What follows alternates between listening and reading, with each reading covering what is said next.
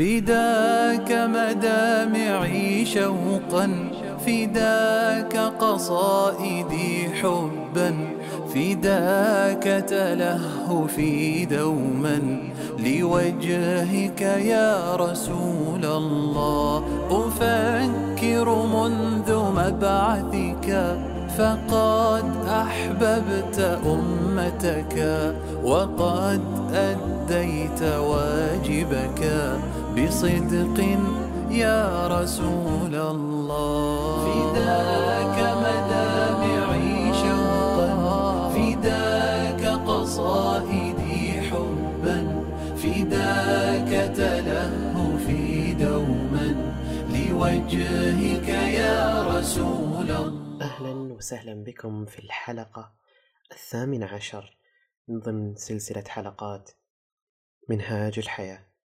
توقفت مع زميلي جاسر عند قصة نعرف منها مساحة أبي بكر في عالم النبي صلى الله عليه وسلم. بعد أن ثار الشغب بين أعظم رجلين في أمة محمد صلى الله عليه وسلم. سوء خلاف بين أعظم رجلين في أمتنا. سوء الخلاف ذلك أثار غبارا انقشع. فلم ترى الدنيا بعد انقشاعه إلا أبا بكر ثم عمر والباقين رضوان الله تعالى عليهم أجمعين.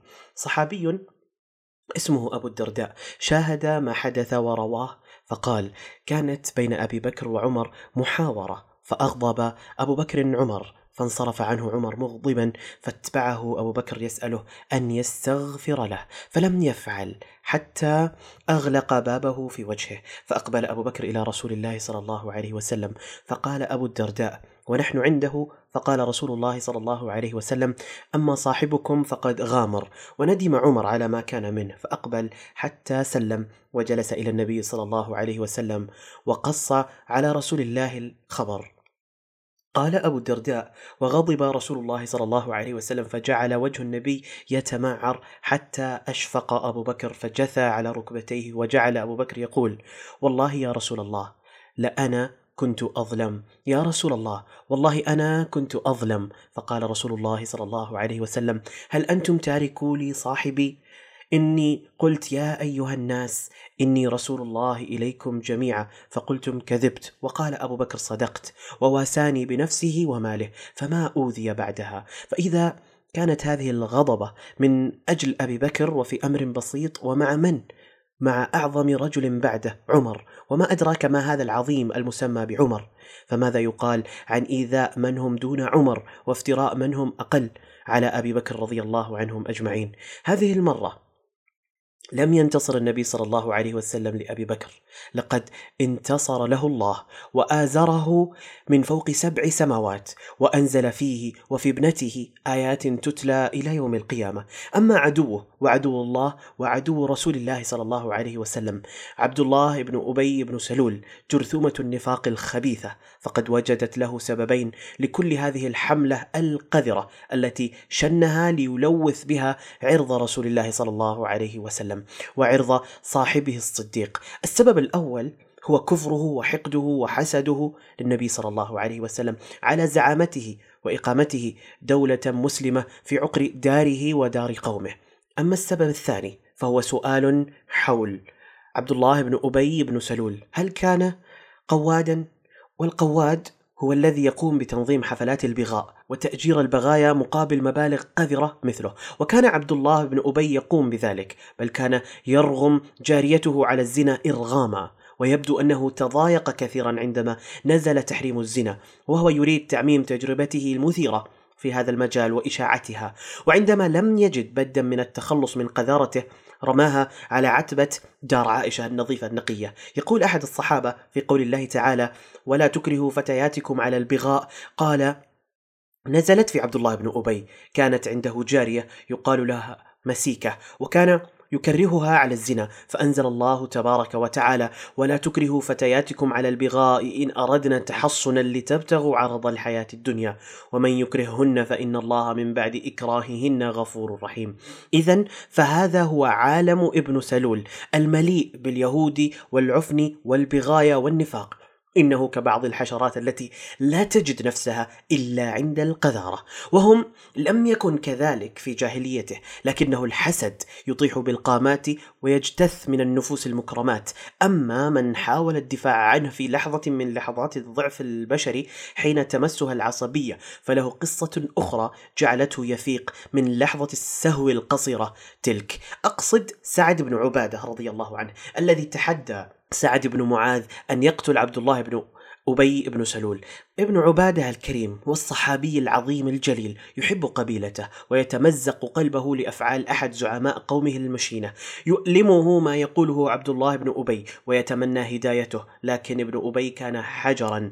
نزلت الآية تبين أن من قذف يجلد فتحركت الغيرة في دم سعد بن عبادة وغلت. فتكلم بكلام لم يعجب النبي صلى الله عليه وسلم فابتلاه الله بمصيبة وقعت في قومه فكانت عارا على قوم ابن أبي بعد أن كان يتمنى تعليق العار على باب النبي صلى الله عليه وسلم.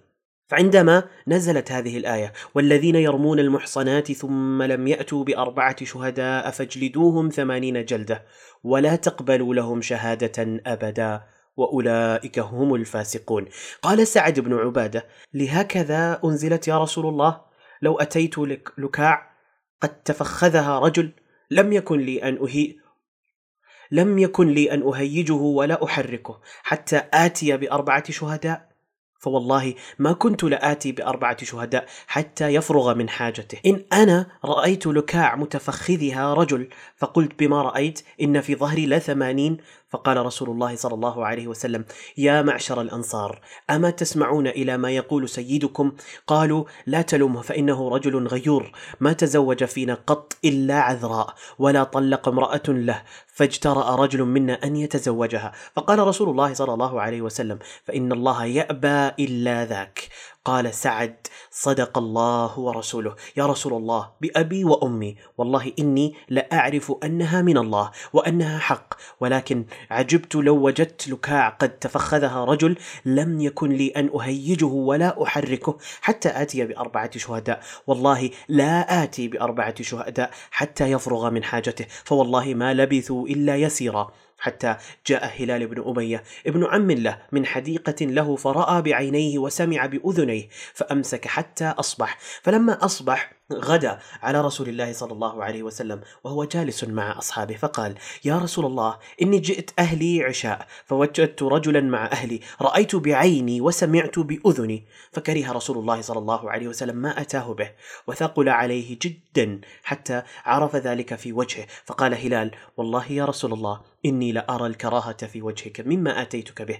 والله يعلم أني صادق وما قلت إلا حقا فإني لأرجو أن يجعل الله فرجا.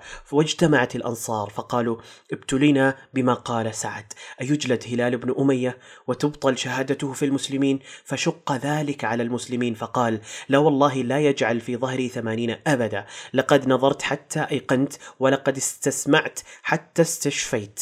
فهم رسول الله صلى الله عليه وسلم بضربه فإنه لكذلك يريد أن يأمر بضربه. ورسول الله صلى الله عليه وسلم جالس مع أصحابه إذ نزل عليه الوحي فأمسك أصحابه عن كلامه حين عرفوا أن الوحي قد نزل حتى فرغ. فأنزل الله والذين يرمون أزواجهم ولم يكن لهم شهداء إلا أنفسهم فشهادة أحدهم أربع شهادات بالله إنه لمن الصادقين. والخامسة ان لعنه الله عليه إن كان من الكاذبين. ويدرأ عنها العذاب أن تشهد أربع شهادات بالله إنه لمن الكاذبين. والخامسة والخامسة أن غضب الله عليها إن كان من الصادقين. فقال رسول الله صلى الله عليه وسلم أبشر يا هلال فإن الله قد جعل لك فرجا. فقال قد كنت أرجو ذلك من الله. فقال رسول الله صلى الله عليه وسلم أرسلوا إليها. فجاءت. فلما اجتمعا عند رسول الله صلى الله عليه وسلم قيل لها فكذبت. فقال رسول الله صلى الله عليه وسلم إن الله يعلم أن أحدكما كاذب فهل منكما تائب؟ فقال هلال يا رسول الله بأبي وأمي لقد صدقت وما قلت إلا حقا. فقال رسول الله صلى الله عليه وسلم لاعنوا بينهما. ما هي الملاعنة؟ الملاعنة تكون بين الزوجين في حال اتهام الزوج لزوجته بالزنا فيحلف قائلا أربع مرات.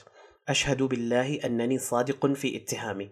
وفي المرة الخامسة يقول أن لعنة الله علي إن كنت كاذبا عليها فيقام عليها الحد. والعقوبة إلا في حالة أن تشهد زوجته بالله أربع مرات أنه لمن الكاذبين في اتهامه لها. ثم تقول في الخامسة أن غضب الله علي إن كان من الصادقين.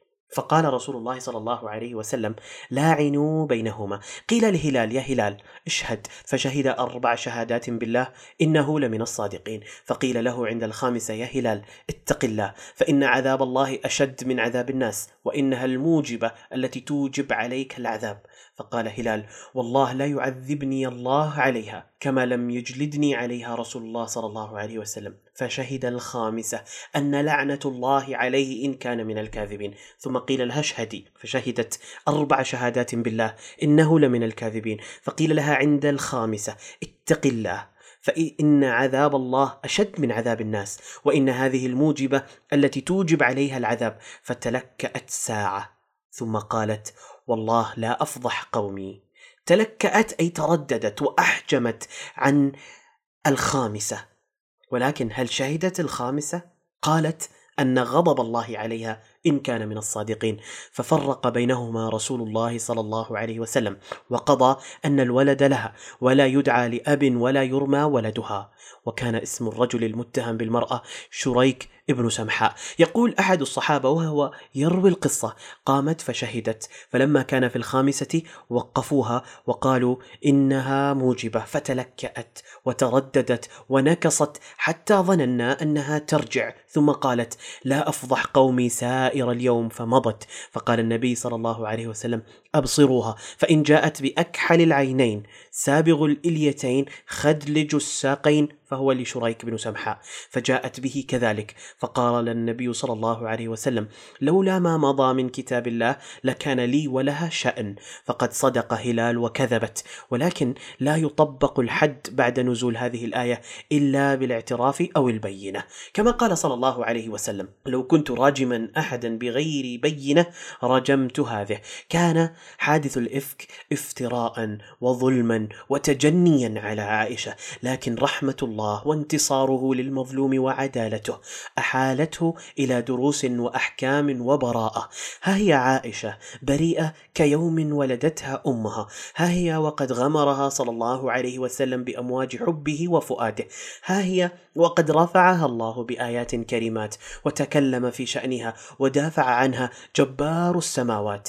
كان الفرج بحجم الدنيا في صدر عائشة لكنها غاضبة غضبا شتيتا وعاتبة عتبا شديدا على من يسكنون قلبها وهو زوجها صلى الله عليه وسلم ووالديها رضوان الله عليهم فلم تقدم لهم أي نوع من أنواع الامتنان والشكر ومع ذلك لم يلمها أحد منهم. فالذي مر على هذه الفتاة المسكينة ثقيل جدا ومرير جدا إن سمعة المرأة وشرفها عند العرب تعادل حياتها وهم لم يدفنوا بناتهم وهن صغار إلا خشية أن يتهمن بما اتهمت به عائشة ومن يستطيع أن ينفي تهمة في ذلك المجتمع والهدم أسهل من البناء دائما. فهل تلام عائشة إذا غضبت على من أحبتهم؟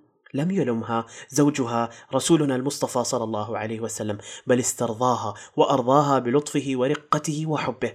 كان صلى الله عليه وسلم يقول لها إني لأعلم إذا كنت عني راضية وإذا كنت علي غضبا. فقالت ومن أين تعرف ذلك؟ قال صلى الله عليه وسلم أما إذا كنت عني راضية فإنك تقولين لا ورب محمد وإذا كنت غضبا قلت لا ورب إبراهيم.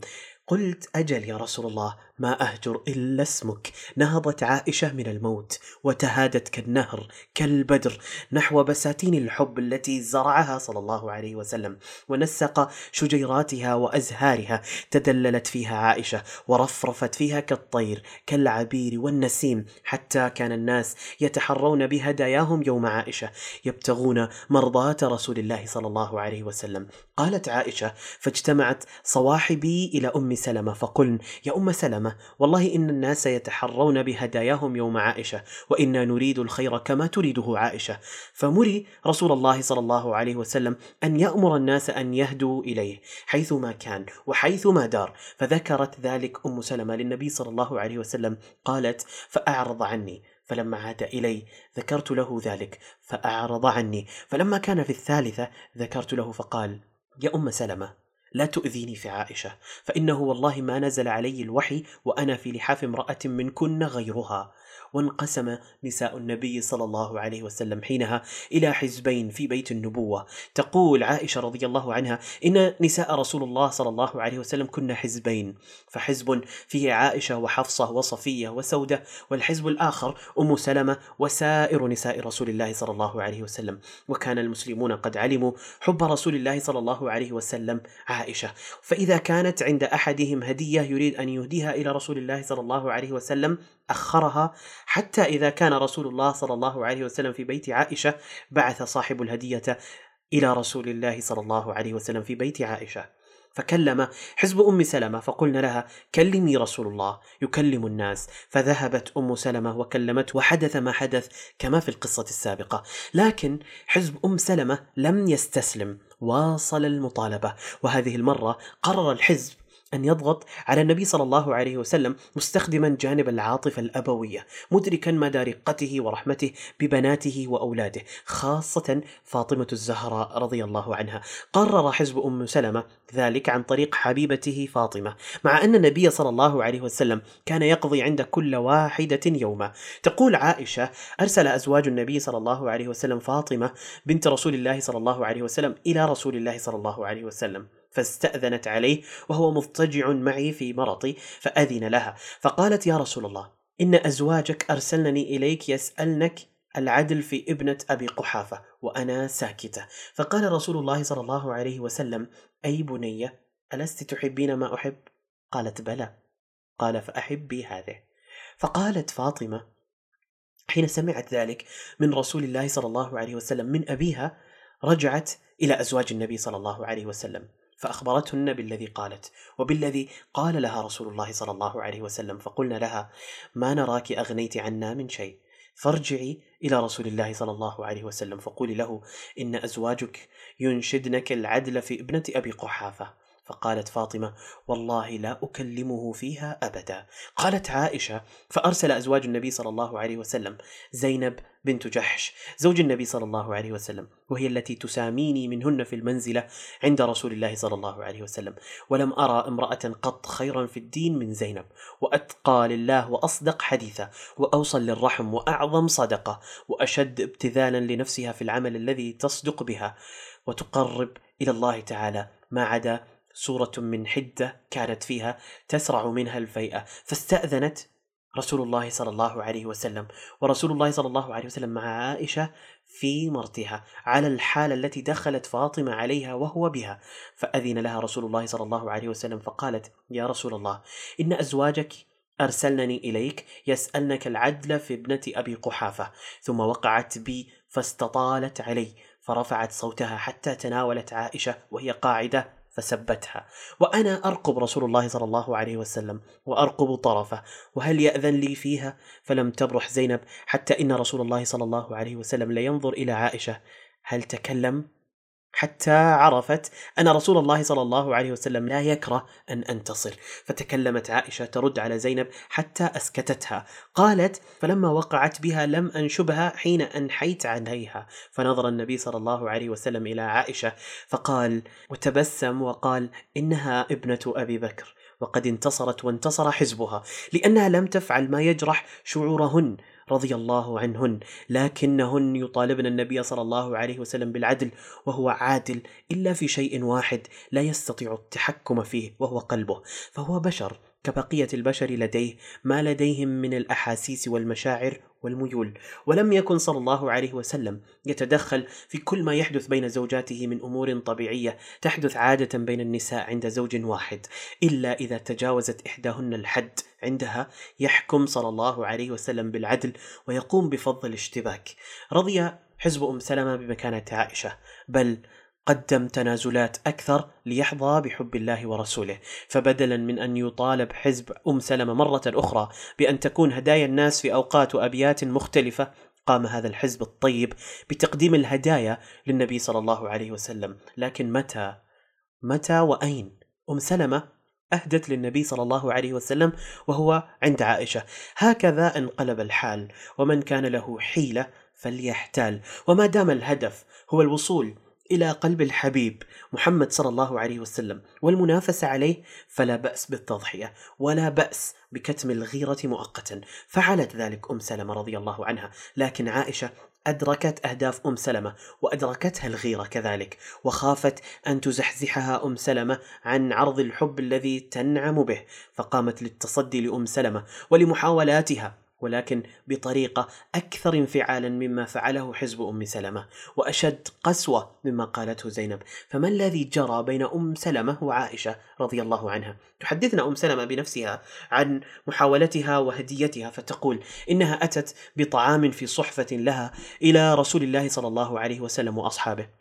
فجاءت عائشة متزرة بكساء ومعها فهر ففلقت به الصحفة فجمع النبي صلى الله عليه وسلم بين فلقتي الصحفة ويقول كلوا غارت أمكم كلوا غارت أمكم. ثم أخذ رسول الله صلى الله عليه وسلم صحفة عائشة فبعث بها إلى أم سلمة وأعطى صحفة أم سلمة لعائشة فانتصرت أم سلمة رضي الله عنها هذه المرة على عائشة وانتصر حزبها. ليست الغيرة فقط تحدث بين حزب وحزب بل أحيانا داخل الحزب الواحد تغلي الغيرة. وليست هذه المرة الوحيدة التي تندفع فيها عائشة نحو تصرف تندم عليه مأخوذة بالغيرة وحبها الشديد للنبي صلى الله عليه وسلم.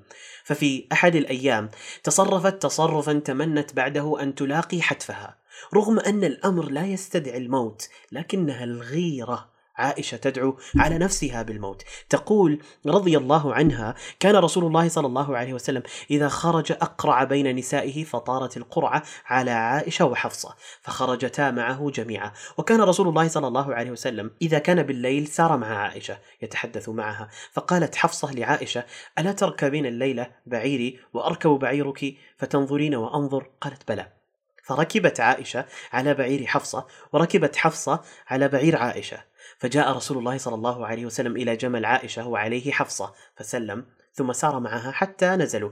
فافتقدته عائشة فغارت فلما نزلوا جعلت تجعل رجلها بين الإذخر. نبات طيبة الراحة توجد به الهوام غالبا في البرية وتقول يا رب سلط علي عقربا أو حية تلدغني. رسولك ولا أستطيع أن أقول له شيئا ولا تستطيع أن تقول لحفصة شيئا كذلك فهي التي جنت على نفسها. فأي غيرة تسكن عائشة؟ وأي حب ذلك الذي يأكل معها ويشرب ويحل ويرتحل؟ كان حب عائشة للنبي سماءها وأرضها وبحارها التي لا شاطئ لها. لكن ماذا عن حب النبي صلى الله عليه وسلم لعائشة؟ إلى أي مدى هو؟ وما هي المسافات التي قطعتها عائشة في قلبه وبين حناياه؟ النبي صلى الله عليه وسلم نفسه في ساعة حب وعشق لعائشة، في ساعة لم يكن فيها سوى محمد وعائشة. والحب بينهما. تحدث صلى الله عليه وسلم بحديث يتقاطر عسلا وحبا. حديث لم تسمع مثله حبيبة قط. حديث لم تسمع مثله حبيبة قط. حديث جعل عائشة تشعر أن الشمس والقمر والدنيا كلها بين يديها. حب النبي صلى الله عليه وسلم لعائشة إلى أي درجة كان. تقول بنفسها رضي الله عنها جلست إحدى عشر امرأة فتعاهدن وتعاقدن أن لا يكتمن من أخبار أزواجهن شيئا. قالت الأولى واصفة بأنه كلحم الجمل الهزيل ويصعب الوصول إليه أيضا فالوصول إليه شاق ليس فيه مصلحة حتى تنقله الناس إلى بيوتها وتستفيد منه. وقالت الثانية زوجي لا أبث خبره إني أخاف أن لا أذره إني أذكره أذكر عجره وبجره. تقول إنها لا تشيع خبر زوجها ولا تذكره لأنها لن تنتهي من إكماله لكثرة عيوبه. والعجر تعقد العروق والعصب. وقالت الثالثة زوج العشنق إن أنطق أطلق وإن أسكت أعلق. العشنق هو الطويل أي ليس فيه إلا طول دون نقع. فإن ذكرت عيوبه طلقها وإن سكتت عن عيوبه علقها لا مطلقة ومتزوجة. أي أهملها مع بقائها في ذمته. قالت الرابعة زوجي كليل تهامة لا حر ولا قر ولا مخافة ولا سآمة. تمدحه أنه مثل ليل منطقة تهامة ليس فيه أذى بل هو لذيذ كريم الأخلاق لا تخشاه لا يسأم منها.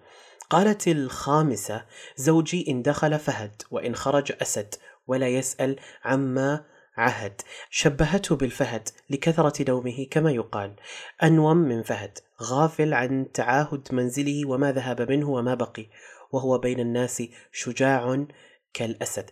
قالت السادسة زوجي إن أكل لف وإن شرب اشتف وإن اضطجع التف ولا يولج الكف ليعلم البث. أي أنه يلف الطعام لفا ويكثر منه. ويشرب كل ما في الإناء. أما عند نومه فهو يلتف بثيابه وغطائه عن زوجته دون اهتمام بها ولا يلمسها بكفه ولا يتحسسها ليعلم إن كانت تشتكي من شيء. قالت السابعة زوجي غياء أو عيعياء كل داء له داء ثجك أو فلك أو جمع كلالك.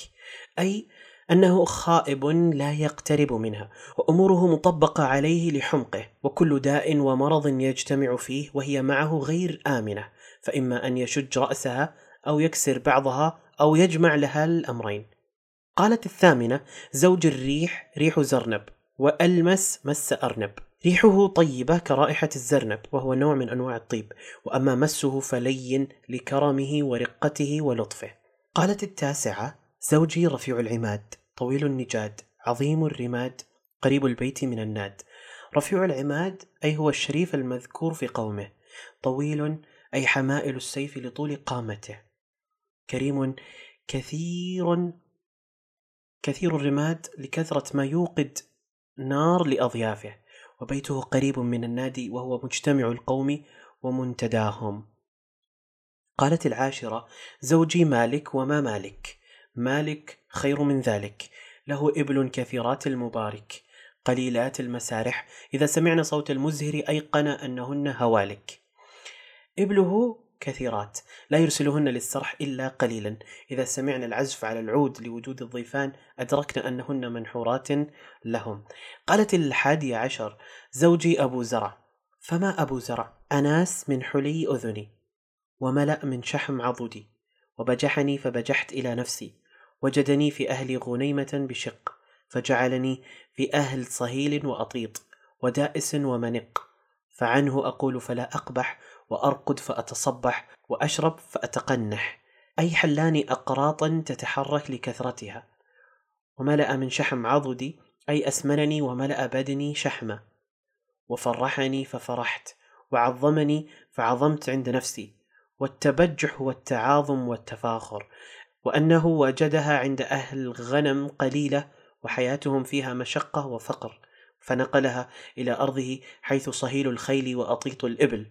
وأنه صاحب زرع يدوسه وينقيه لا أحد يرد قولها ويقبحه وأنها تأخذ كفايتها من النوم لأن هناك من يخدمها وأنها لا تترك الشراب حتى تقضي حاجتها. أم أبي زرع. فما أم أبي زرع؟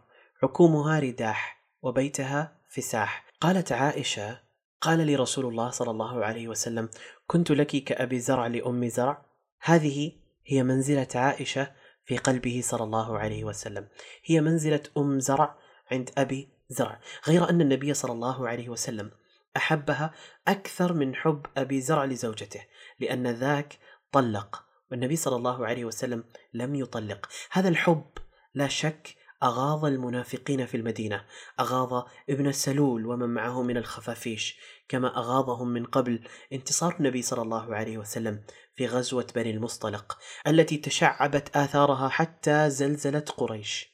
ما هي آثار غزوة بني المصطلق؟ انتهت غزوة بني المصطلق بانتصار النبي صلى الله عليه وسلم على المشركين وانتصار عائشة رضي الله عنها على المنافقين.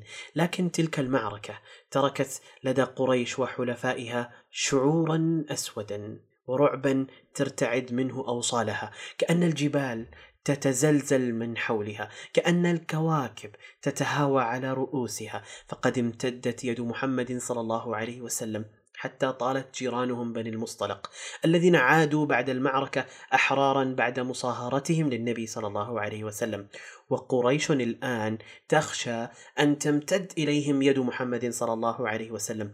فتأخذهم إلى غير رجعة ويبدو أن تلك الضربات التي تلقاها المسلمون من قريش وغيرهم من الوثنيين في أحد والرجيع وبئر معونة وغيرها لم تزدهم إلا صلابة وعزما واتقادا. كأنها النار التي تذيب الصدأ. كانت لقاحا عاد بعده الجسم صحيحا منيعا. فها هو النبي صلى الله عليه وسلم يرسل جيشا لرصد قوافل قريش التي تمر بمحاذاة الساحل. في غزوة يحلو للبعض تسميتها غزوة سيف البحر. كان قائد هذا الجيش هو أمين الأمة أبو عبيدة عامر بن الجراح رضي الله عنه. وكان ضمن ذلك الجيش كبار الصحابة منهم سعد بن عبادة وجابر بن عبد الله الذي يقص علينا بعض أحداث تلك الغزوة. فيقول بعث رسول الله صلى الله عليه وسلم بعثا قبل الساحل وأمر عليهم أبا عبيدة بن الجراح وهم ثلاثمائة. فخرجنا وكنا ببعض الطريق فني الزاد. فأمر أبو عبيدة بأزواد الجيش فجمع فكان مزودي تمر كان يقوتنا كل يوم قليلا قليلا حتى فني فلم يكن يصيبنا إلا تمرة تمرة. فقلت ما تغني عنكم تمرة؟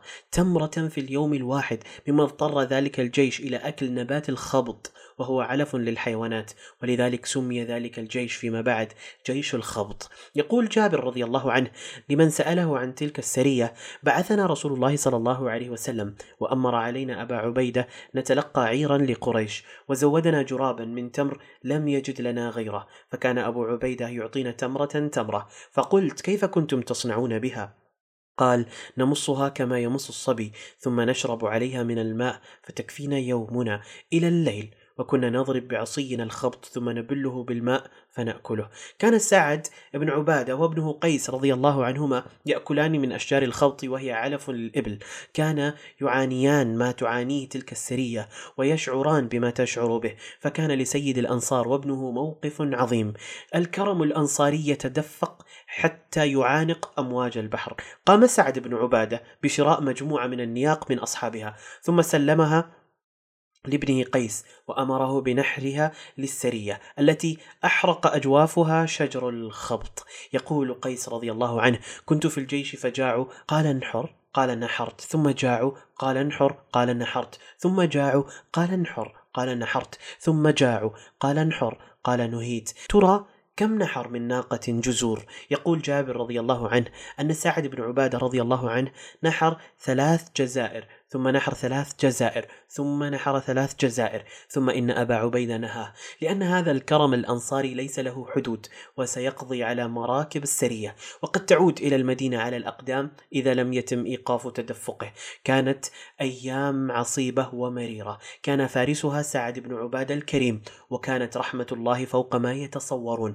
فقد رأى بعضهم صخرة كبيرة جدا وكانت سوداء وملساء تتمدد على الساحل. اقترب الجميع منها. فإذا هي ليست بصخرة إنها حوت عملاق يسمونه العنبر. كان ميتا ينبض بالحياة لهذه السرية وقد فرح الجميع بهذه المفاجأة السارة وشكروا الله عليها. لكن أبا عبيدة تذكر أن الميتة لا تجوز. ثم تذكر كم يفتح الإسلام من أبواب الفرج في أشد ساعات الضيق؟ تذكر أن هناك ضرورة الإبقاء على هذه الأرواح والأجساد المنهكة.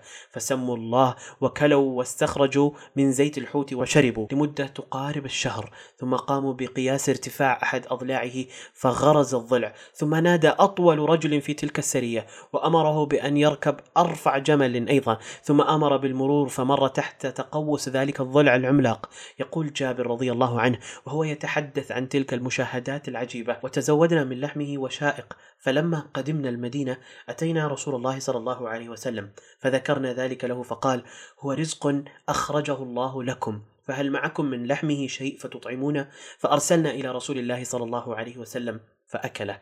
أما قريش فقد شعرت بخطورة الوضع مع تلك السرايا. وبعد غزوة بني المصطلق فلا بد من التحرك ولا بد من حسم الأمر قبل أن يستشري الخطر. وتفاجأ قريش بمحمد صلى الله عليه وسلم وجيشه يطوفون حول الكعبة ويحطمون الأصنام. هذا هو الكابوس الذي يقض مضجع أبي سفيان ومن معه من الوثنيين. هذا هو الخوف الذي تعيشه مكة. لكن ماذا عن المدينة؟ هناك شعور لا يختلف عن هذا الشعور فداخل دول الإسلام لم يكن الأمر كما يحب رسول الله صلى الله عليه وسلم وصحابته تماما. كان هناك المنافقون الذين خرجوا للتو من هزيمة الإفك وهناك أيضا اليهود الذين أغاضهم نصر النبي صلى الله عليه وسلم في غزوة بني المصطلق وزاد غيظهم نصر الله لعائشة في حادثة الإفك.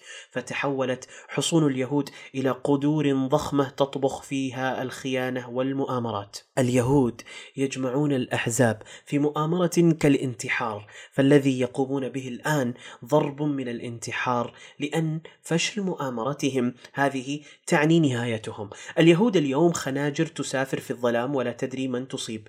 إن بينهم وبين قائد الدولة المسلمة عهدا بألا يخونوا ولا يعتدوا ولا يتآمروا. وإلا فإن مصيرهم سيكون مصير بني النظير. لقد سامحهم صلى الله عليه وسلم بعد خيانتهم الأولى وهم الآن طامعون في تسامح آخر إن فشلوا في مؤامرتهم. يقول أحد الصحابة إن يهود النظير وقريظة حاربوا رسول الله صلى الله عليه وسلم فأجلى رسول الله صلى الله عليه وسلم بني النظير وأقر قريظة. وذلك بعد غزوة بدر عندما كتبت كفار قريش بعد واقعة بعد واقعة بدر إلى اليهود إنكم أهل الحلقة والحصون وإنكم لتقاتلن صاحبنا أو لنفعلن كذا وكذا ولا يحول بيننا وبين خدم نسائكم شيء وهي الخلاخيل. فلما بلغ كتابهم النبي صلى الله عليه وسلم أجمعت بنو النضير بالغدر فأرسلوا إلى رسول الله صلى الله عليه وسلم اخرج إلينا في ثلاثين رجلا من أصحابك وليخرج منا ثلاثون حبرا حتى نلتقي بمكان المنصف فيسمعوا منك فإن صدقوك وآمنوا بك آمنا بك. فقص خبرهم. فلما كان الغد غدا عليهم رسول الله صلى الله عليه وسلم بالكتائب فحصرهم فقال لهم إنكم والله لا تأمنون عندي إلا بعهد تعاهدوني عليه فأبوا أن يعطوه عهدا فقاتلهم يومهم ذلك ثم غدا على بني قريظة بالكتائب وترك بني النظير ودعاهم إلى أن يعاهدوه فعاهدوه فانصرف عنهم وغدا على بني النظير بالكتائب فقاتلهم حتى نزلوا على الجلاء فجلت بنو النظير واحتملوا ما أقلت الإبل من أمتعتهم وأبواب بيوتهم وخشبها. منظر حزين يتكرر على اليهود ويتباكى عليه اليهود وهم يجيدون التمثيل والتباكي. لكن أكثر ما يجيدونه هو سبب التباكي، أكثر ما يجيده اليهود هو المؤامرات والخيانات، والطعن من الخلف، والطعن في الظلام، وعندما يتلقون العقاب الرادع تسيل أنهار الدموع والبكاء، والشعر، والشعر على مصيرهم البائس، وكأنهم لم يفعلوا شيئا، وبنو قريظة يستحقون مصير بني النظير. لكن النبي صلى الله عليه وسلم منحهم فرصة. فإن فشلت مؤامرتهم فإن عقابهم سيكون مضاعفا دعونا نراقب هذا الوفد اليهودي الذي سافر سرا إلى مكة ليجتمع بأبي سفيان وقيادات المشركين هناك ليعرضوا عليهم مشروعا عسكريا يسحقون به دولة الإسلام والتوحيد. بعد أن فشل مشروع كعب بن الأشرف اليهودي مع قريش فتم اغتيال كعب على يد محمد بن مسلمة رضي الله عنه. وها هو المشروع اليهودي من جديد يحمله يهود من بني النظير فشلت خيانتهم فاحتقنوا من الحقد ومعهم يهود يهود آخرون تثيرهم هذه التجربة وهذا المشروع. لم تنطلق الرصاصة من مكة بل من حصون اليهود. فإنه كان من حديث الخندق أن نفرا من اليهود منهم سلام ابن أبي الحقيق النظري وحيي بن أخطب النظري وكنانة ابن أبي الحقيق النظري وهوذة ابن قيس الوائلي وأبو عمار الوائلي في نفر من بني النضير ونفر من بني وائل. وهم الذين حزبوا الأحزاب على رسول الله صلى الله عليه وسلم. خرجوا حتى قدموا على قريش مكة فدعوهم إلى حرب رسول الله صلى الله عليه وسلم وقالوا إنا سنكون معكم عليه حتى نستأصله. فقالت لهم قريش يا معشر يهود إنكم أهل الكتاب الأول والعلم بما أصبحنا نختلف فيه نحن ومحمد أفديننا خير أم دينه؟ قالوا بل دينكم خير من دينه وأنتم أولى بالحق منه. فهم الذين أنزل الله فيهم ألم تر إلى الذين أوتوا نصيبا من الكتاب يؤمنون بالجبت والطاغوت ويقولون للذين كفروا هؤلاء أهدى من الذين آمنوا سبيلا. أولئك الذين لعنهم الله ومن يلعن الله فلن تجد له نصيرا. أم لهم نصيب من الملك فإذا لا يؤتون الناس نقيرا؟ أم يحسدون الناس على ما آتاهم الله من فضله؟ فقد آتينا آل إبراهيم الكتاب والحكمة وآتيناهم ملكا عظيما. فمنهم من آمن به ومنهم من صد عنه. وكفى بجهنم سعيرا. لم يكتف اليهود بالتآمر عليه بل أضافوا إلى خيانتهم ونقض عهدهم والوثيقة المكتوبة بينهم وبين النبي صلى الله عليه وسلم اضافوا إلى قائمة جرائمهم جريمة هي الأشنع والأحقر. زور اليهود وأباحوا لنفسهم القفز على كل مبدأ وعقل وحقيقة، فمنحوا للوثنيين المشركين صكا بالبراءة من كل إثم في كل ما يرتكبونه من جاهلية، وسلبوا النبي صلى الله عليه وسلم كل حق وحقيقة يملكها، جعلوا التوحيد هو الباطل، وطلبوا من عبدة الأخشاب والأحجار والأوثان الاستمرار في طقوسهم المنحطة فعلوا ذلك كله وهم من أهل الكتاب وقد قرأوا الكثير الكثير عن محمد صلى الله عليه وسلم وعن نبوته وصفاته. فما هو العقاب الذي يستحقه هؤلاء؟ مسلسل الوحل اليهودي لم ينتهي بعد فبعد أن وضعوا قريشا في إحدى جيوبهم توجهوا نحو قبيلة غطفان القوية فأغروها بالنبي صلى الله عليه وسلم والمدينة وأغروها بتمر المدينة ونخيلها ونسائها فاستجابت وانتصبت المؤامرة المؤامرة وتدلت ثمارها أمام اليهود والوثنيين لكن الخبر وصل إلى النبي صلى الله عليه وسلم عن طريق رجل أحمق من غطفان يدعى الحارث الغطفاني الذي ركب راحلته وعندما استقرت به على أرض المدينة بحث عن النبي صلى الله عليه وسلم ولما وقف أمامه أملى على النبي صلى الله عليه وسلم شرطه للانسحاب من التحالف اليهودي الوثني.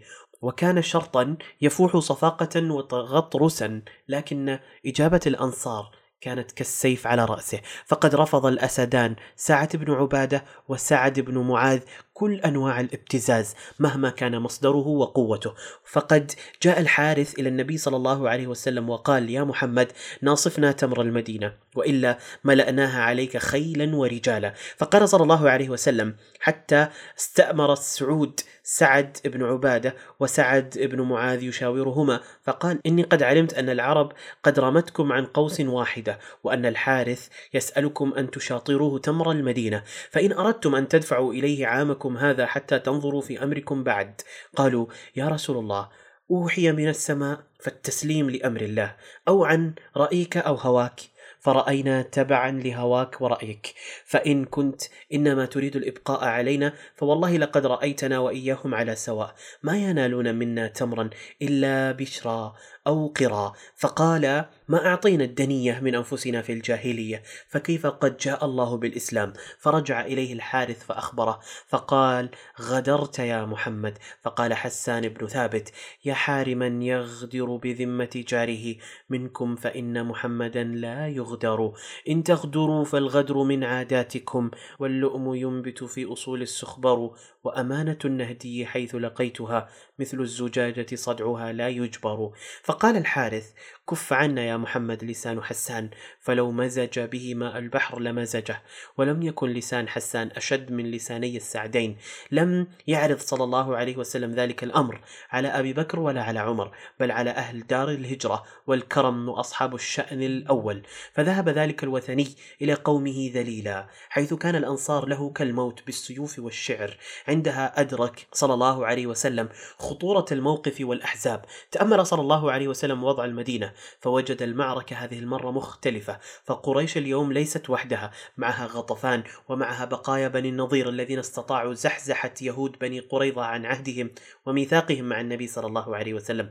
وقد يلحق بقريش بنو سليم وغيرهم من حلفائهم والوقت قصير لا يحتمل التأخير والجيش المسلم لا يستطيع التصدي لهذا الجموع خارج المدينة فالأفضل هو البقاء في المدينة حيث يشارك الجميع في تلك المعركة دون استثناء وحتى لا يتكرر ما حدث في أحد لكن خيانة اليهود تثير الخوف وليس هناك وقت لبناء أسوار كأسوارهم فليكن الحفر بدلا من البناء. قرر صلى الله عليه وسلم أن يحفر خندقا يحصن بها الجهة الشمالية للمدينة من هجمات قريش ومن معها لأن بقية الجهات صعبة الاقتحام لكثرة النخيل والصخور والجبال وفن القتال لا يعني المهارة باستخدام السلاح فقط بل المهارة في استخدام وتسخير كل شيء يحيط بالمحارب.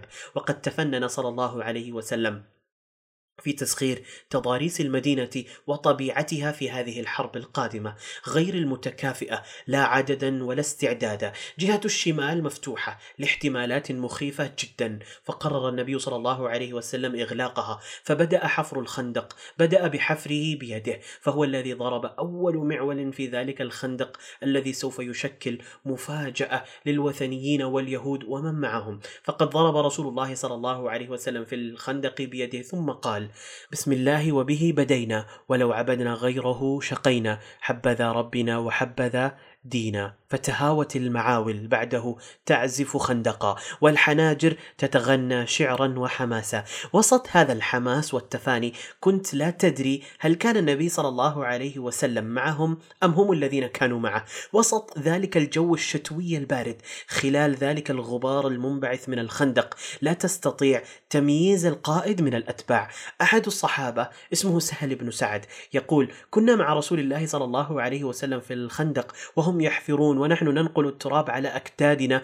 أما البراء بن عازب فيقول كان النبي صلى الله عليه وسلم ينقل معنا التراب يوم الأحزاب. ولقد رأيته وار التراب شعر بطنه وكان رجلا كثير الشعر. كان صلى الله عليه وسلم ينقل التراب حتى وار شعر صدره وكان رجلا كثير الشعر وهو يرتجز برجز عبد الله بن رواحة. اللهم لولا أنت ما اهتدينا ولا تصدقنا ولا صلينا فأنزلنا سكينة علينا وثبت الأقدام إن لاقينا. إن الأعداء قد بغوا علينا إذا أرادوا فتنة أبينا. يرفع بها صوته أبينا. أبينا. يمد صوته بآخره. كان صلى الله عليه وسلم يحمس من حوله بأبيات الصحابي. الشاعر عبد الله بن رواحة رافعا ومادا بها صوته. وكان لابد من فعل ذلك. فالجو مشحون بالجوع والبرد والحذر. لم يكتفي صلى الله عليه وسلم بذلك. كان يذرع المنطقة. يتفقد كل شيء. يحتاط لكل شيء. ثم يعود لمحاربيه. يشجعهم ويحفر معهم. يدعو لهم. يحتضن فداءهم وإخلاصهم وهم في حالة جوع شديد وبرد قارس. خرج رسول الله صلى الله عليه وسلم إلى الخندق فإذا المهاجرون والأنصار يحفرون في غداة باردة فلم يكن لهم عبيد يعملون ذلك لهم. فلما رأى ما بهم من النصب والجوع قال اللهم إن العيش عيش الآخرة فاغفر للأنصار والمهاجرة. فقالوا مجيبين له نحن الذين بايعوا محمدا على الجهاد ما بقينا أبدا البيعة تتجدد والحماس يتجدد لكن الجوع والتعب يتجدد معهما فما هو طعام كل مجموعة من هؤلاء المحاربين الأشداء الذين يحتاجون إلى كل ثانية وطاقة. طعام يقول أنس بن مالك رضي الله عنه جعل المهاجرون والأنصار يحفرون الخندق حول المدينة وينقلون التراب على متونهم وهم يقولون نحن الذين بايعوا محمدا على الإسلام ما بقينا أبدا. ويقول النبي صلى الله عليه وسلم وهو يجيبهم اللهم إنه لا عيش إلا عيش الآخرة فبارك في الأنصار والمهاجرة. قال ويؤتون بملء كفي من شعير فيصنع لهم بإهالة سنخة توضع بين يدي القوم والقوم جياع وهي بشعة في الحلق ولها ريح نتن. هؤلاء العظماء ليس لهم طعام سوى شعير مطبوخ بسمن عتيق بشع الطعم والرائحة. بينما الوثنيون يتمتعون بأطايب الطعام. أما اليهود فلديهم مخزون أكثر من كاف لمثل هذه المؤامرة ولهم منافذ مفتوحة على حلفائهم. بينما يعيش محمد صلى الله عليه وسلم وجنوده طقسا من الحصار والبرد والجوع والطعام الخشن والقليل. وتمر على هؤلاء الأخيار من المهاجرين والأنصار ثلاثة أيام من الجوع والحفر. نقلوا فيها الحجارة من عمق الخندق إلى عمق جوعهم وبطونهم. قدوا الحجارة من الخندق وألصقوها ببطونهم من شدة الجوع ثم ربطوها في الوقت الذي تسلل فيه المنافقون إلى بيوتهم. إلى شوائهم ونسائهم وشرابهم كأن الأمر لا يعنيهم كأن المدينة ليست وطنا لهم كأن ذلك الجوع امتحانا لإيمان هؤلاء المؤمنين الذين صبروا واحتسبوا. يقول جابر رضي الله عنه لما حفر النبي صلى الله عليه وسلم وأصحابه الخندق أصاب النبي صلى الله عليه وسلم والمسلمين جهدا شديدا فمكثوا ثلاثا لا يجدون فيه طعاما. حتى ربط النبي صلى الله عليه وسلم على بطنه حجرا من الجوع. لكن ماذا بعد ثلاثة أيام من الجوع والطعام القليل؟ بشع الطعم والرائحة. إن رحمة الله قريب من المؤمنين. جاءت المعجزة في بيت جابر بن عبد الله. الصحابي العظيم ابن الصحابي العظيم الذي يعول تسع أخوات وزوجته. يستأذن النبي صلى الله عليه وسلم. لكنه ليس كاستئذان المنافقين. لم يذهب لبيته كما يذهب ذلك المنافق طلبا للراحة بين أهله والطعام والشراب لكنه رأى منظرا أحزنه وآلمه أشد الألم. فلم يستطع البقاء في مكانه. حاول أن يخفف عن ذلك المتألم شيئا ولو قليلا. إنها على أقل الأحوال محاولة. يقول رضي الله عنه كنا مع رسول الله صلى الله عليه وسلم يوم الخندق. نحفر فيه فلبثنا ثلاثة أيام لا نطعم شيئا ولا نقدر عليه.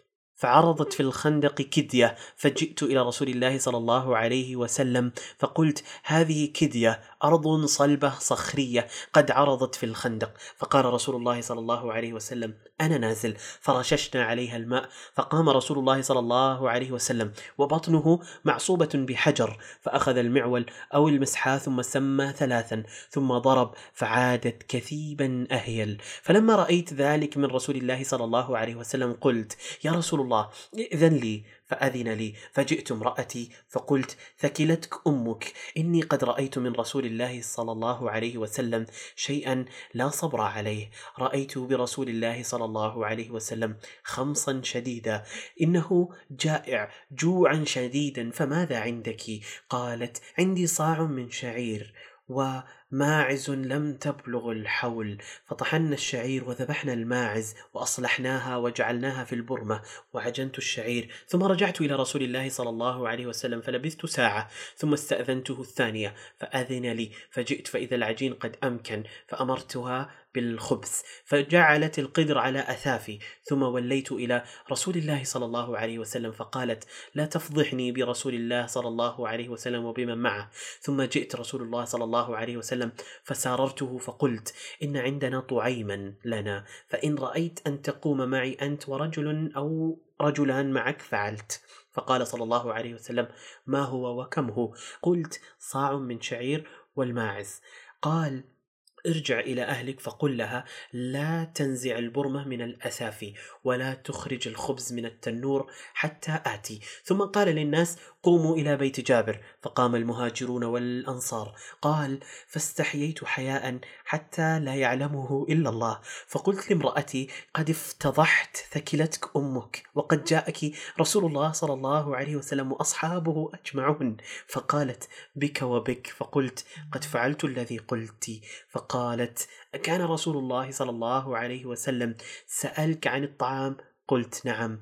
قالت الله ورسوله أعلم. قد أخبرته بما كان عندك فذهب عني بعض ما كنت أجد. قلت لقد صدقت. فجاء رسول الله صلى الله عليه وسلم فدخل ثم قال لأصحابه لا تضاغطوا ثم برك على التنور وعلى البرمة. فجعلنا نأخذ من التنور الخبز ونأخذ اللحم من البرمة فنثرد ونغرف ونقرب إليهم.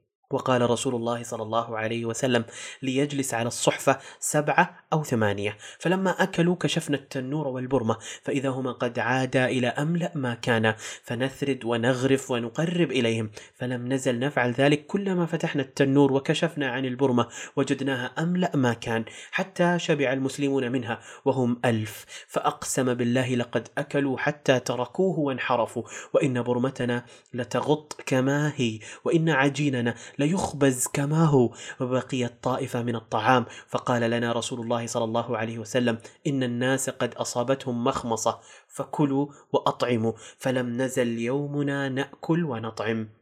تلك المعجزات تفتح ابوابا جديدة من الفرح والفرج للمؤمنين وكأن ذلك الخندق ممر إلى الدنيا بأسرها والمعاناة في حفره معاناة ولادة النور وانتشاره.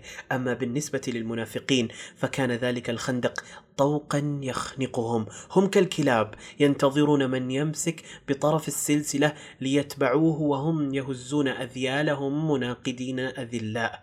كانت المعجزات تغيظهم وتدفعهم إلى مزيد من العناد والمكابرة.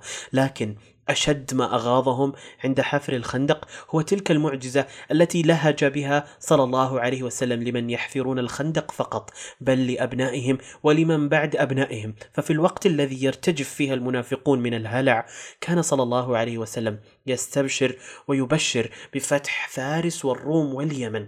يعد أصحابه بذلك وهو يضع الحجر على بطنه من الجوع. يقول ذلك لأصحابه وهو يحفر خندقا يدافع به عن دولته الصغيرة التي لا تتجاوز حدودها حدود هذا الخندق. يبشرهم وهم جياع بكنوز فارس والروم وقصور اليمن. لأنه نبي لأنها حقيقة قادمة كشمس الغد. يقول أحد المشاركين في الخندق لما كان حين أمرنا رسول الله صلى الله عليه وسلم بحفر الخندق. عرض لنا في بعض الخندق صخرة عظيمة شديدة. لا تأخذ فيها المعاول. فشكونا ذلك إلى النبي صلى الله عليه وسلم. فلما رآها أخذ المعول وقال بسم الله وضرب ضربة فكسر ثلثها. فقال الله أكبر. أعطيت مفاتيح الشام. والله إني لأبصر قصورها الحمر إن شاء الله. ثم ضرب الثانية فقطع ثلثا آخر. فقال الله أكبر. أعطيت مفاتيح فارس. والله إني لأبصر قصر المدائن الأبيض. ثم ضرب الثالثة فقال بسم الله فقطع بقية الحجر. فقال الله أكبر أعطيت مفاتيح اليمن. والله إني لأبصر أبواب صنعاء من مكاني الساعة. فقال عندها المنافقون. نحن نخندق على أنفسنا وهو يعدنا قصور فارس والروم. هؤلاء المنافقون هم الذين قال الله عنهم. وإذ يقول المنافقون والذين في قلوبهم مرض ما وعدنا الله ورسوله إلا غرورا. أمر هؤلاء المنافقين محير ومزعج. لا تدري ماذا يريدون ولا ما هو مبدأهم ولا هدفهم ولا تستطيع تمييزهم بسهولة. الكفر مرض والنفاق مرض آخر وجسد الدولة الإسلامية يستطيع الاحتياط والوقاية من مرض الكفر. لكن عندما يتسلل هذا المرض إلى الداخل تبدأ رحلة طويلة ومريرة من العلاج وتناول الأدوية والعقاقير للقضاء عليه. وفي غزوة الخندق. كانت الدولة الإسلامية تحتاط بالخندق من الوثنيين لكن من الصعب القضاء عليهم وهم يتظاهرون بالإيمان. لا سيما في هذا الوقت الذي انتهى وأصحابه من حفر الخندق ووصل فيه أحزاب الأصنام إلى مشارف المدينة وعسكروا أمام الخندق وبدأ حصار قاس وشديد على المدينة. عندها بدأ المنافقون يظهرون كالبثور الكريهة المتقيحة على جسد المدينة. في هذه الظروف الحرجة ظهر نفاقهم وظهر كفرهم وظهر حقدهم على النبي صلى الله عليه وسلم والصحابة أجمعون. ومع ذلك كله تمتع صلى الله عليه وسلم وأصحابه بأكبر قدر من ضبط النفس وعدم التهور بإيقاع أي عقوبة على أولئك المنافقين الذين فاحت خيانتهم من خلال كلماتهم ومن خلال نظراتهم وحركاتهم وسكناتهم. التي كانت تفتقد إلى أقل معاني الرجولة والنخوة. ازداد الوضع حرجا فقرر صلى الله عليه وسلم وضع النساء والأطفال داخل أحد الحصون وهو حصن لبني حارثة. دخلته عائشة أثناء غزوة الخندق وتحدثت عنه فقالت إنها كانت في حصن بني حارثة يوم الخندق وكان من أحرز حصون المدينة وكانت أم سعد بن معاذ معها في الحصن. وعند الله بن عمر بن الخطاب الذي كان يتحرق للقتال يوم أحد. لكن النبي صلى الله عليه وسلم رده وها هو اليوم؟ خارج حصن بني حارثة. ماذا قال لك النبي يا عبد الله يقول رضي الله عنه حيث كانت الساحة تموج بالترقب والتوتر كان المؤمنون فيها خلف سواترهم يرقبون أي اقتحام لهذا الخندق ليضربوا ضربتهم. أما جيوش الأصنام فقد جن جنونها مما ترى أمامها من ذكاء عسكري نادر وقيادة لا مثيل لها. حيرها هذا الخندق هذا الإبداع العسكري الذي لم تعرفه العرب من قبل ولم تستخدمه. إن اقتحامه ضرب من الجنون أو الانتحار، أما الغزو عن طريق الجهات الأخرى فيعني الهزيمة، فهل ستكتفي قريش ومن معها من الوثنيين بالحصار والقتال عن بعد عن طريق التراشق بالنبل والرماية بالأسهم؟ ربما فلن يقدر على اقتحام هذا الخندق إلا شجاع أو منتحر. ها هو الشجاع الذي سيقتحم الخندق. ها هو وقد استطاع عبوره باحثا عن مبارز. إنه عمرو بن عبد ود فارس يبحث عن مبارز. وقف أمام جيش المؤمنين متحديا يفيض شجاعة وحماسة. فانبرى له حتف مخيف كحمزة. خرج له علي بن أبي طالب رضي الله عنه. فبارزه فكان كأمس الذاهب. وسقط عمرو ابن عبد ود وسقط تحديه. يقول أحد الصحابة قتل من بني عامر بن لؤي. عمرو بن عبد ود قتله علي بن أبي طالب مبارزة. انتظر الوثنيون خروجه من الخندق وسيفه يقطر بأرواح المؤمنين لكنه لم يخرج عليهم لم يغادر مكانه. فليس هناك مشرك يصمد أمام سيف علي رضي الله عنه. أحس المشركون بأنه لا طريق تؤدي إلى رقاب المؤمنين. لا دروب إلى المدينة إلا طريقين لا ثالث لهما. إما المبارزة وهذا الأمر بعيد جدا وإما الرماية بالسهام وهذا هو الأمر الوحيد الذي يقدرون عليه لكنه لن يجدي نفعا إلا إذا تحركت قوات اليهود الخونة وخرجت من حصن بني قريظة. وبقدر ما كان الخندق يبث الطمأنينة في قلوب المؤمنين كان حصن بني قريظة يثير الخوف والقلق في أوساط المؤمنين. لذلك قام صلى الله عليه وسلم بتغطية كافة الاحتمالات لأن المعركة والخيانة قد تشتعلان ليلا فماذا فعل صلى الله عليه وسلم؟ علمهم عن كلمة سرية. كلمة يعرف بها المؤمنون بعضهم بعضا. متى ما داهموا ليلا من قبل الوثنيين أو اليهود؟ قال صلى الله عليه وسلم لأصحابه إن بيتكم العدو. فقولوا حاميم لا ينصرون. كان صلى الله عليه وسلم يقرأ ما حوله تماما يقرأ تفكير الخيانة جيدا ولذلك طلب فارسا من أصحابه يتطوع للذهاب حيث حصن بني قريظة كي يقدم تقريرا عن آخر تحركاتهم. وهل بدأوا تنفيذ مؤامرتهم مع قريش وغطفان؟ هل بدأوا التحرك العسكري للضرب من خلف هب الزبير ملبيا نداء النبي صلى الله عليه وسلم. حمل روحه وسيفه وانطلق كالسهم نحو بني قريظة. وفي طريقه مر من تحت سور حصن بني حارثة. فشاهده ابنه الصغير عبد الله الذي كان يطل من الحصن بالتناوب مع صديقه الصغير عمر بن أبي سلمة. يقول عبد الله بن الزبير فإذا رفعني عمر بن أبي سلمة عرفت أبي حين يمر إلى بني قريظة على فرسه وكان يقاتل مع رسول الله صلى الله عليه وسلم يوم الخندق. ويقول الزبير كان رسول الله صلى الله عليه وسلم قال من يأتي بني قريظة فيأتيني بخبرهم. فانطلقت. فلما رجعت جمع لي رسول الله صلى الله عليه وسلم بين أبويه فقال فداك أبي وأمي فقد أدى عملا بطوليا وأخبر النبي صلى الله عليه وسلم بأن بني قريظة قد نقضوا العهد وما زالوا على خيانتهم. تأزم الوضع. وبدأ المنافقون بالتململ فقد ضاقوا مما يجري وبدأت الأزمات تكشف عن حقيقتهم وأحرقت نار الحرب تلك القشرة التي يختبئ كفرهم تحتها فضحتهم الحرب وفضحهم الله بآيات كالسيوف على رقابهم. بدأوا يقدمون التماساتهم وأعذارهم بعدم القدرة على الصمود نظرا للخطر الذي قد يحدث لأهلهم وبيوتهم. بعد أن رأوا السهام كالمطر على جيش المؤمنين انسحب المنافقون الواحد تلو الآخر هربا من المعركة. كان منظرهم يجلب الإحباط والغضب لدى المؤمنين. لولا ثقتهم بنصر الله ووعده اشتد الأمر على المؤمنين وضاقت بهم السبل في أيام تعصف بالجوع والبرد والموت. أعداء في الخارج أعلى المدينة ويهود أسفلها ومنافقون في داخلها ينسحبون كالجرذان ويطالبون المؤمنين بالإستسلام. والتسليم للوثنيين. أولئك هم المنافقون وتلك هي سفالتهم وانحطاطهم. مات فيهم كل شيء حتى بقايا صفات الخير التي كان العرب في الجاهلية يتفاخرون بها حتى تلك ماتت داخل نفوسهم. داخل نفوسهم المتعفنة. خنقها عفن النفاق وأجهز عليها. وها هو العفن يتطاير في أجواء المدينة. يحاول التسلل إلى عزائم المؤمنين ليخنقها ليبعثر في جنباتها الإحباط. إنهم الآن بين نسائهم. يأكلون ويشربون ويبخلون بطعامهم على أولئك الصامدين أمام الخندق.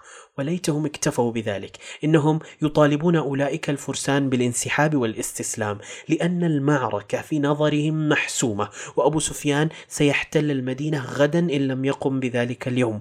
أولئك المنافقون نسوا كل شيء.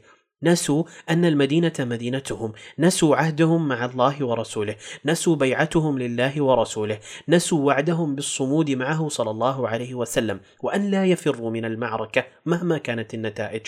هذا ما بدا للجميع من هؤلاء الأنذال. وبين أنهم جاهزون لإعلان الكفر حالما يرون جيوشه تقتحم الخندق والمدينة لكنهم لا يستطيعون ذلك الآن. فالنبي صلى الله عليه وسلم لا يزال هو القائد وخوفهم منه وخوفهم من الموت واضح في أعينهم التي تدور كما تدور أعين الذي يعاني سكرات الموت وشدة النزع ويشتد دوران أعينهم أكثر ما يشتد الآن. فالخوف في كل مكان والجوع في كل مكان أيضا والبرد في كل مكان كذلك. واشتد الأمر يوم الخندق. ولذلك بعث الزبير مرة ثانية حتى لا يفجأ بجيشهم فتكون القاضية واستأنف الوثنيون رشقهم بالنبال. كانت نبالا طائشة وغير طائشة وهذا ما أثار خوف عائشة رضي الله عنها. عائشة تخاف على سعد بن معاذ وتقول كان رسول الله صلى الله عليه وسلم وأصحابه حين خرجوا إلى الخندق رفعوا الذراري والنساء في الحصون. مخافة العدو عليهم. قالت عائشة فمر سعد بن معاذ وعليه درع مقلصة وقد خرجت منها ذراعه في يده حربته توقد. فقالت أم سعد الحق يا بني فقد والله أخرت. فقالت عائشة يا أم سعد لوددت أن درع سعد كانت أسبغ مما هي فخافت عليه. هل أصيب سعد بن معاذ رضي الله عنه؟ أجل. لقد أصابه سهم في ذراعه رماه مشرك يدعى حبان ابن العرقة وهو يرتجز بهذه الأبيات المليئة بالحماس والموت والتي ربما قالها رجل سابق اسمه حمل. سعد بن معاذ هذا الفارس العظيم والمؤمن النقي الذي لا يخشى في الله أحدا والذي دافع عن عرض النبي صلى الله عليه وسلم أثناء إشاعة الإفك. هذا الصحابي الجليل أصيب بسهم في ذراعه وقد نزف دما كثيرا وحالته خطيرة والوضع أخطر. اعتنى النبي صلى الله عليه وسلم بهذا الرجل الكريم. أمر بحمله ومحاولة علاجه وصنع قبة له داخل المسجد النبوي كي يزوره أهله وأصحابه ويكون تحت سمع النبي صلى الله عليه وسلم وبصره. لكن سعد كان جمالا كان فداء حتى وهو ينزف. كان محملا بالأحلام والانتصارات والأماني.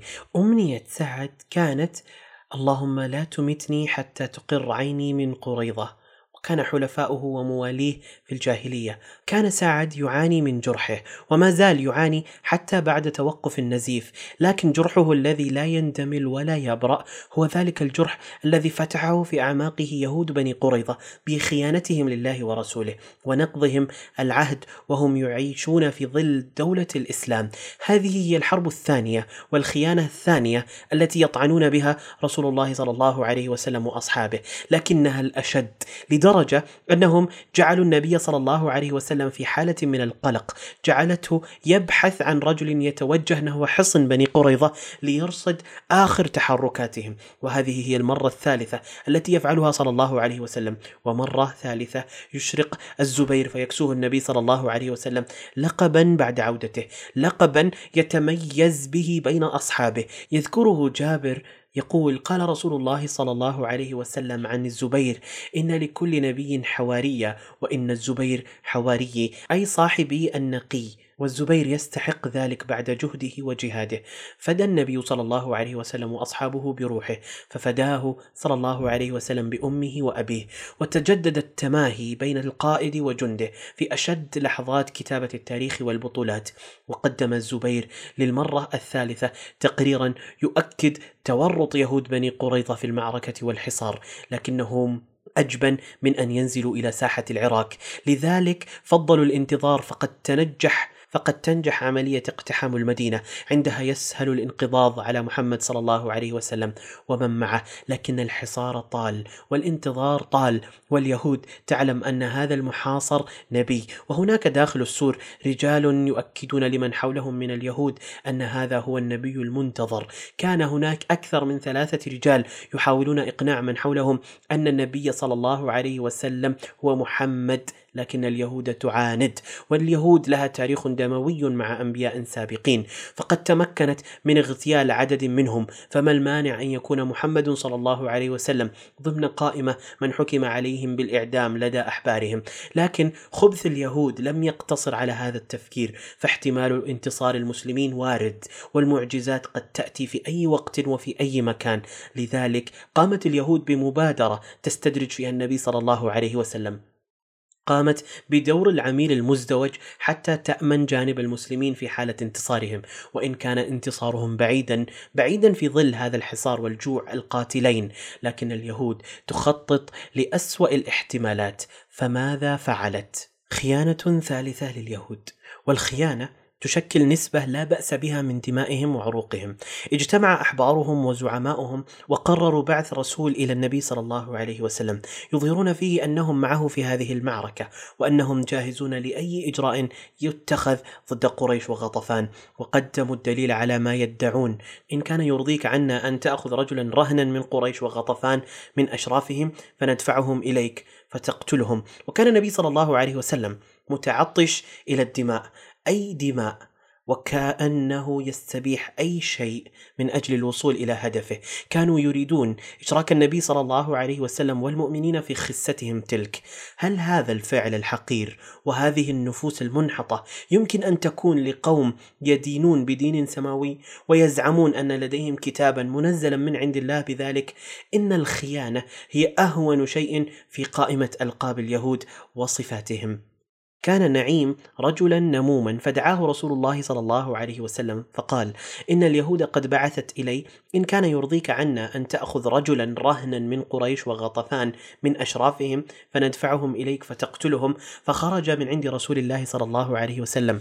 فأتاهم فأخبرهم بذلك. فلما ولى نعيم قال رسول الله صلى الله عليه وسلم إنما الحرب خدعة. وقريش تعلم أن النبي صلى الله عليه وسلم لا يكذب وتحقق للنبي صلى الله عليه وسلم ما أراد. فتم عزل بني قريظة عن قريش وغطفان وانكسر أحد أضلاع مثلث الأحزاب فتزعزعت ثقة الأحزاب بأحلامهم وجيشهم. وأصبحت الهزيمة عندهم قابلة للاحتمال وبدأت بوادر استجابة الله لدعاء سعد بن معاذ الذي حاول صلى الله عليه وسلم علاجه. استجاب الله لسعد بن معاذ فأي مصير ينتظر بني قريظة؟ استجاب الله دعاء سيد الأنصار فهل يستجيب الله لدعاء سيد البشر الذي حاصره الكفر من كل مكان وطال عليه الحصار وسيطر الخوف على كل شبر في المدينة؟ وصار الطفل والمرأة والرجل يخشون على أنفسهم إذا خرجوا لقضاء حاجة. اشتد البرد والشتاء والجوع وبلغت الحال كما وصف الله في القرآن.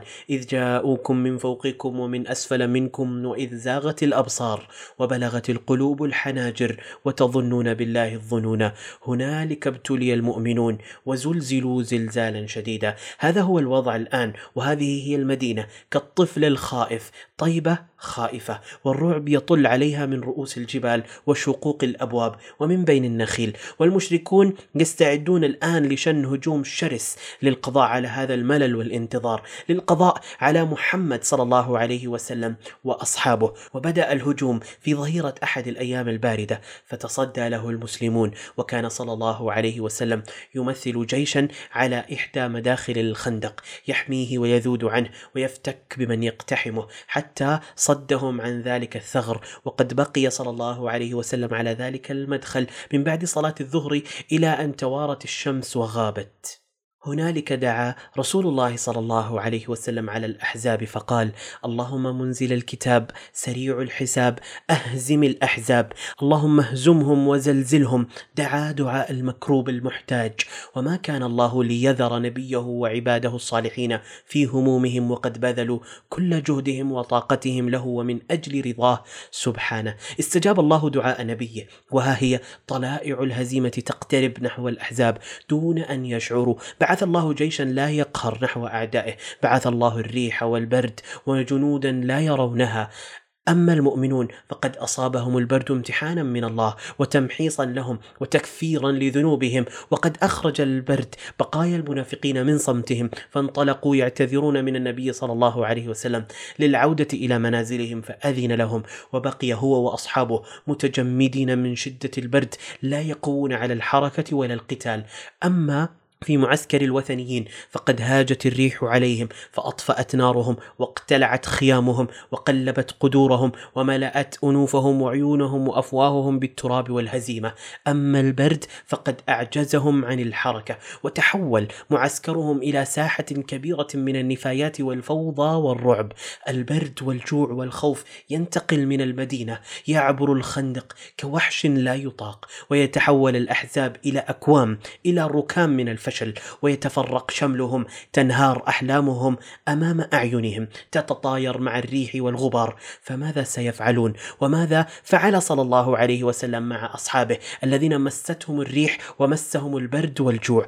قرر النبي صلى الله عليه وسلم السماح لأصحابه بالعودة إلى بيوتهم. فقد جاء نصر الله بريح وجنود لا يراها البشر. فعاد من أحب العودة منهم وبقي من بقي. فقد كف الله المؤمنين القتال وفي أشد ساعات الريح والبرد. كان صلى الله عليه وسلم يستدفئ بمناجاة حبيبه سبحانه وتعالى. كان يتمتع بصلاته ويريح نفسه بها. قيل لذلك الشاب الذي يشارك لأول مرة قيل لعبد الله بن عمر بن الخطاب أين كان رسول الله صلى الله عليه وسلم يصلي يوم الأحزاب؟ قال كان يصلي في بطن الشعب عند خربة هناك. ولقد أذن رسول الله صلى الله عليه وسلم في الانصراف للناس. ثم أمرني أن أدعوهم فدعوتهم لكنهم لم يعودوا فلم يستطيعوا العودة من شدة البرد والجوع وكان لعدم عودتهم قصة. يحكيها ذلك الشاب أيضا الذي أرسله خاله الصوام القوام عثمان بن مضعون ليحضر بعض الطعام ولحاف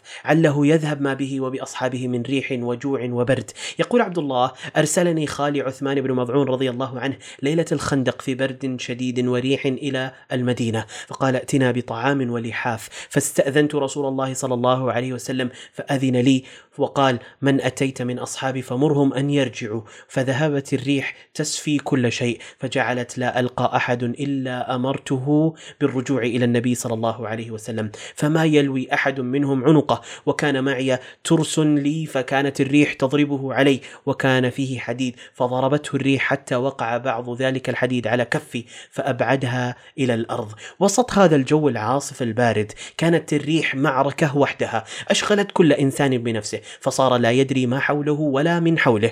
وخلال هذا الجو المخيف كان صلى الله عليه وسلم يناجي ربه الذي أنزل نصره وأرسل ريحه. كان الجميع مشغولين بأنفسهم ونبي الله مشغول بصلاته ودعائه. لكن ماذا عن الجهة الأخرى من الخندق؟ ماذا عن الوثنيين؟ وماذا فعلت بهم الريح؟ النبي صلى الله عليه وسلم يتساءل أيضا عن أحوالهم. فقد هتف صلى الله عليه وسلم بالقلة المحيطين به؟ ونادى بالتطوع لاكتشاف ما حل بالمشركين لكنه لم يجد مجيبا. ثم هتف فلم يجبه أحد وكرر ثالثة. فكانت الريح والبرد هي الإجابة. ولما رأى صلى الله عليه وسلم أن التطوع في هذه الساعة صعب أمر صلى الله عليه وسلم أحد الصحابة فنفذ ما أمره به. هذا الصحابي هو ابن حسيل. حذيفة ذلك الرجل الصالح الذي استشهد أبوه في معركة أحد بسيوف المسلمين.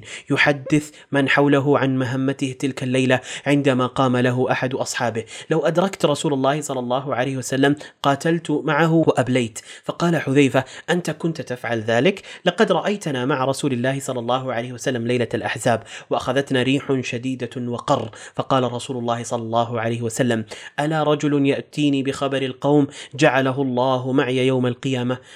فسكتنا فلم يجبه منا أحد. ثم قال قم يا حذيفة فأتنا بخبر القوم فلم أجد بدا إذ دعاني باسمي أن أقوم. قال اذهب فأتني بخبر القوم ولا تذعرهم علي. فلما وليت من عنده جعلت كأنما أمشي في حمام. حتى أتيتهم فرأيت أبا سفيان يصلي ظهره بالنار فوضعت سهما في كبد القوس فأردت أن أرميه. فذكرت قول رسول الله صلى الله عليه وسلم ولا تذعرهم علي. ولو رميته لأصبته. فذهبت فدخلت في القوم والريح وجند الله تفعل بهم ما تفعل. لا تقر لهم قدرا ولا نارا ولا بناء. فحس أبو سفيان أنه دخل فيهم من غيرهم. فقام أبو سفيان فقال يا معشر قريش لينظر امرؤ من جليسه. قال حذيفة فأخذت بيد الرجل الذي كان إلى جنبي. فقلت من أنت؟ قال فلان ابن فلان. ثم قال أبو سفيان يا معشر قريش إنكم والله ما أصبحتم بدار مقام. لقد هلك الكراع والخف وأخلفتنا بنو قريظة وبلغنا عنهم الذي نكره. ولقينا من شدة الريح ما ترون. ما تطمئن لنا قدر ولا تقوم لنا نار ولا يستمسك لنا بناء. فارتحلوا فإني مرتحل. فرجعت إلى رسول الله صلى الله عليه وسلم وأنا أمشي في مثل الحمام. فلما أتيته فأخبرته بخبر القوم. وفرغت قررت فألبسني رسول الله صلى الله عليه وسلم من فضل عباءة كانت عليه يصلي فيها. فلم أزل نائما حتى أصبحت. فقد أصبحت المدينة وأصبح الملك لله وأصبح النصر لله ورسوله. وخلت الساحة من الأوثان والوثنيين الذين ولوا مدبرين. تكنس الريح أثارهم ونفايتهم. نظر صلى الله عليه وسلم إلى ساحة القتال فحمد الله هو وأصحابه وذكرهم بنعمة الله عليهم ومعجزته التي لوت أعناق المشركين وأذلتهم كما أذلت أعناق مشركين آخرين في زمن غابر جدا. إنهم قوم النبي الكريم هود وهم قوم عاد. فقد نصر الله نبيه هود بريح عاتية آتية من الغرب. ونصر الله محمدا صلى الله عليه وسلم بريح آتية من الشرق. ولذلك يقول صلى الله عليه وسلم نصرت بالصبا وأهلكت عاد بالدبور. وقال صلى الله عليه وسلم لا إله إلا الله وحده أعز جنده ونصر عبده وغلب الأحزاب وحده فلا شيء بعده. وقد حول ساحة المؤمنين إلى نصر وربيع فالحمد والشكر لمن هزم الأحزاب وحده. كانت معركة غير متكافئة عددا واستعدادا. لكن المؤمن عندما يفعل الأسباب ثم يتوجه بها نحو الله تتحول النتائج إلى أعياد. ها هو صلى الله عليه وسلم. يبشر أصحابه بعد انتهاء المعركة بنهاية عصر وبداية آخر. يبشرهم صلى الله عليه وسلم بانهيار هيبة قريش وانكسار حربتها. يبشرهم بأن الخندق مقبرة قوة قريش فليس هناك بعد اليوم هجوم أو حصار من قريش. والسلام.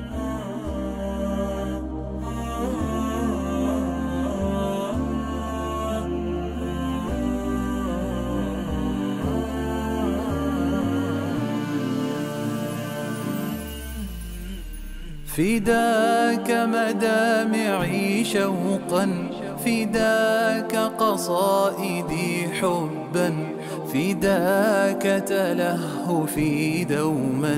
لوجهك يا رسول الله أفكر منذ مبعثك. فقد أحببت أمتك وقد أديت واجبك بصدق يا رسول الله. فداك مدامعي شوقا فداك قصائدي حبا فداك تلهفي دوما لوجهك يا رسول